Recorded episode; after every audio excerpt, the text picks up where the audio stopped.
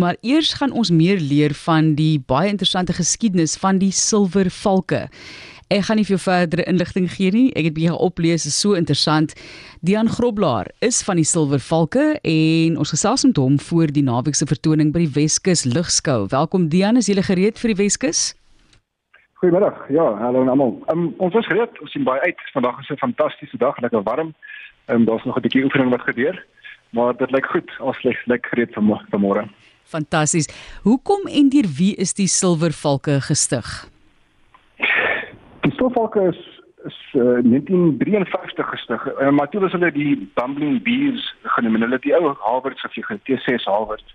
Um en daarna toe die Vampire en en uh, en Impalas daarna. So die silvervalke as as hulle self is eintlik uh, gestig in 1967 toe hulle vir die eerste keer 'n vertoning gevlieg het vir die Atlas uh, vliegtuigoperasie wat nou wat nou Denel is. Um So en toe hulle daai vertoning doen, toe hulle 'n naam hê wat 'n bietjie meer in daai tyd tweetalig is en toe is die naam die Silver Valke gekies.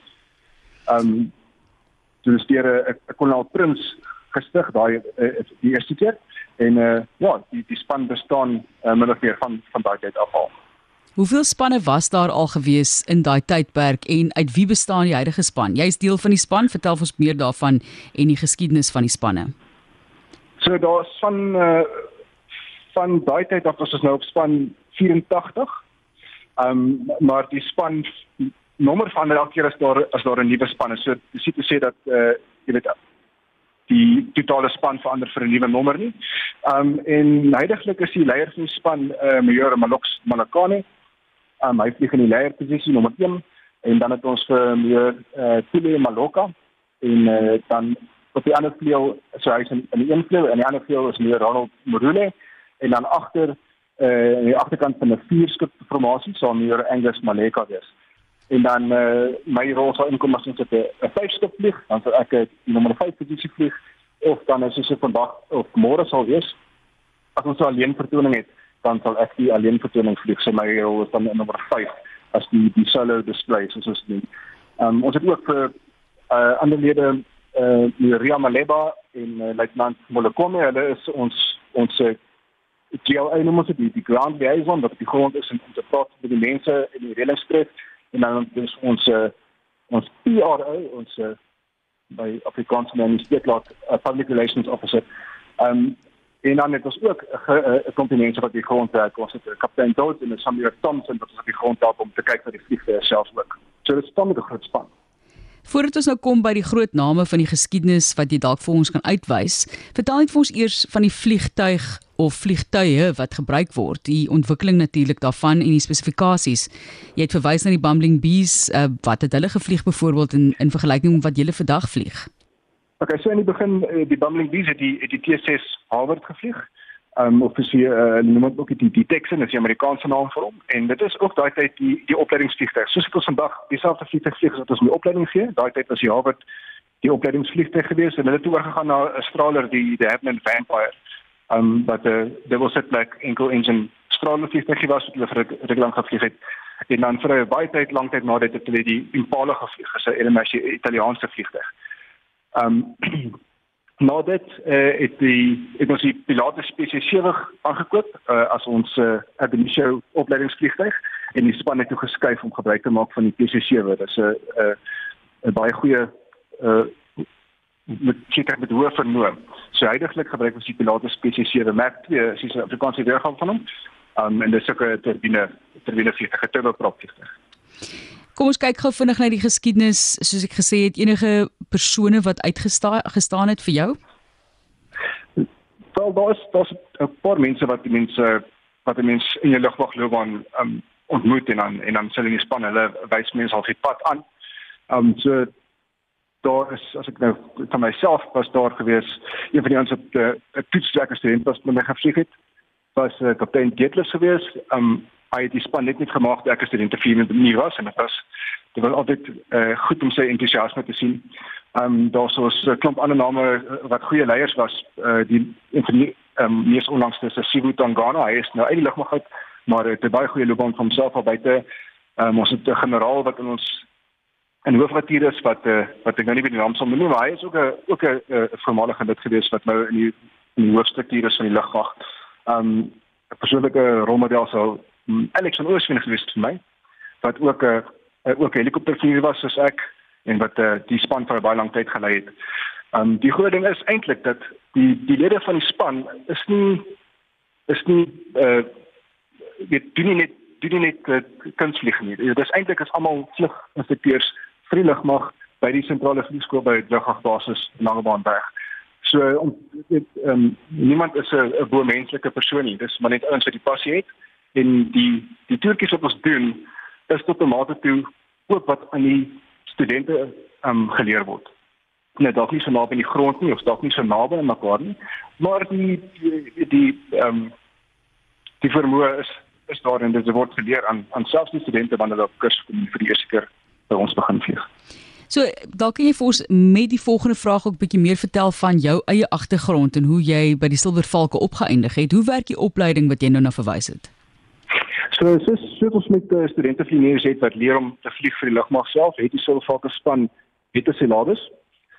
Ehm um, so daar jy, jy begin jy begin uh, eers as jy klaar uh, gekwalifiseer as 'n vlieginstrukteur, jy jy kan nie uh, voor dan aansluit by die span nie en uh, en dan is daar 'n baie streng syllabus en die syllabus is so geskryf om, met in klein inkremente jou vermoë te verskerp en jy en die, lede te sluit uh, vir hulle spesifieke rol in die formasie. So jy sal leer om te vlieg op, op een van die vleuels of agter ehm um, uh, of of dan as die leier ook.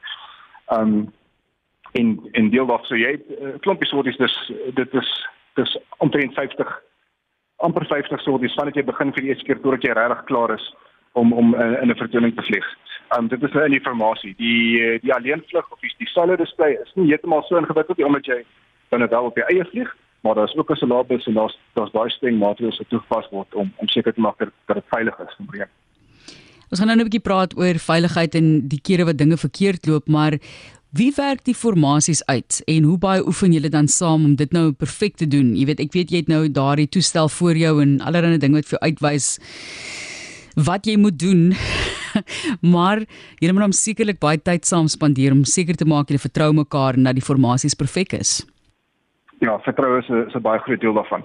Ehm um, so die die span sal saam sit as ons as ons saam saam kuier of of of uh, saam uh, in 'n vergadering sê dan dan as iemand opgekom met 'n met 'n ander idee dan sal ons saam sit en ons sal kom met voorstelle. Maar op 'n einde van die dag is die met die onus op die op die spanleier. Die spanleier besluit dis die formasie wat ons gaan vlieg en hy sal ook toeken uh, watter persoon hy in watter posisie die formasie wil, wil hê. Ehm um, en dan um, is daar operasionele um, beperkings ook wat ons het. So afhanglik afhangende van van ehm um, wat die druk is op die vliegskool self, soos ek gesê het, ons is almal vlieginstrukteurs, dis dieselfde vliegtye wat ons gebruik om instruksie te gee is wat ons gebruik vir vertoning. So dit kan wees dat daar tye is wat die wat die operasionele vermoë van die van die vliegskool so is dat um, ons nie toegelaat word om met 'n volspan van uh, 'n span van 5 plus twee bystandsvliegtye, so dis 8 vliegtye wat weggevat word van die vliegskool af plus al die sekteurs. So die span sal wissel tussen 'n 5 skip of 'n 4 skip of dan soos wat ons môre gaan doen, sal net uh, een skip vir alleen vertoning wees. Ons gesels oor die Silwer Valke op RSG met iemand wat deel is van die span, Dian Groblaar. Daar is 'n vertoning die naweek by die Weskus Ligskou, so jy kan vir hulle daarso gaan kyk. Ek het nou daar verwys Dian en dit sal nie volledig wees om met jou te gesels en nie te vra oor wanneer dinge verkeerd geloop het nie. Was daar ooit insidente of ongelukke vir die Silwer Valke in die geskiedenis? Ehm um, ja, dit is dit is eh uh, ehm um, wel bekend vir van die mense wat belangstel was uh, eintlik maar net twee ernstige ernstige ehm um, insidente gewees. Ehm um, en mens altyd op die, op die Impala weggehaal is. Dis 'n geruime tydjie terug wat ons uh, wat daar twee vliegtye verloor is. Ehm um, die een was as gevolg van 'n van 'n engine probleem gewees en die ander een het 'n strukturele probleem gewees. En in daai twee insidente was dit net een van daai twee wat daar wat wat uh, iemand ehm um, as gevolg van die ongeluk oorlede is. Ehm um, en andersins is dit is daar maar soos dit met enige kunstvliegspan is is daar is daar uh tydjies wat mense dalk 'n bietjie mekaar vashop as ek dit so kan stel. Dit klink nou baie erg, maar dit is regtig nie dit regtig so as dit klink nie. Um en die PCC was het, het ook al gebeur dat die vliegtuig veilig terugland. Um hy word herstel en uh, en daai vliegtuig is vlieg weer ek vlieg intendeel die naweek een van hulle. Um So so daar is insidente en dit kom dit kom maar met die met die werk. Um ons ons probeer dit so veilig as moontlik doen in die manier wat ons dit self beskryf en in die manier wat ons oefen. Um maar soos jy mens kan sien en selfs internasionaal een van die oudste oudste spanne die die Italiaanse span het 'n het in die laaste twee weke het hulle insident gehad wat wat moes uitgeskiet het. Um en dit dit kom na dit kom met die dit kom met die werk. Dian, ons dink aan julle oor die naweek en dit alles vlot sal verloop.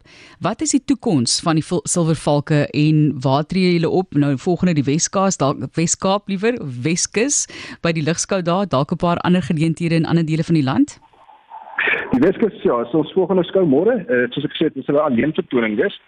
Um en dan uh, dan sal ons sien hoe dit gaan uh, in die in die nabye toekoms. Ek vermoed dat hierdie ons laaste skou publieke skou gaan wees. Um ons tree gereeld op vir private of dan nie wel private nie, maar vir funksies wat ons aangevra word vir aangeleentheid in ons in ons area.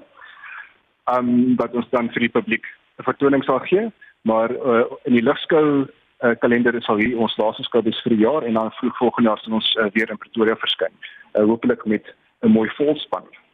Hoopelik met 'n mooi volspan. Ons dink aan julle en baie dankie weer eens vir wat julle doen om op 'n manier wat julle vir mense ook bewus maak van die werk van die wonderlike vliegtye wat jy ervaar. Dian, baie dankie. Geniet die naweek. Baie dankie en dankie vir die geleentheid. Dit is Dian Groblaar, hy is deel van die Silwer Valke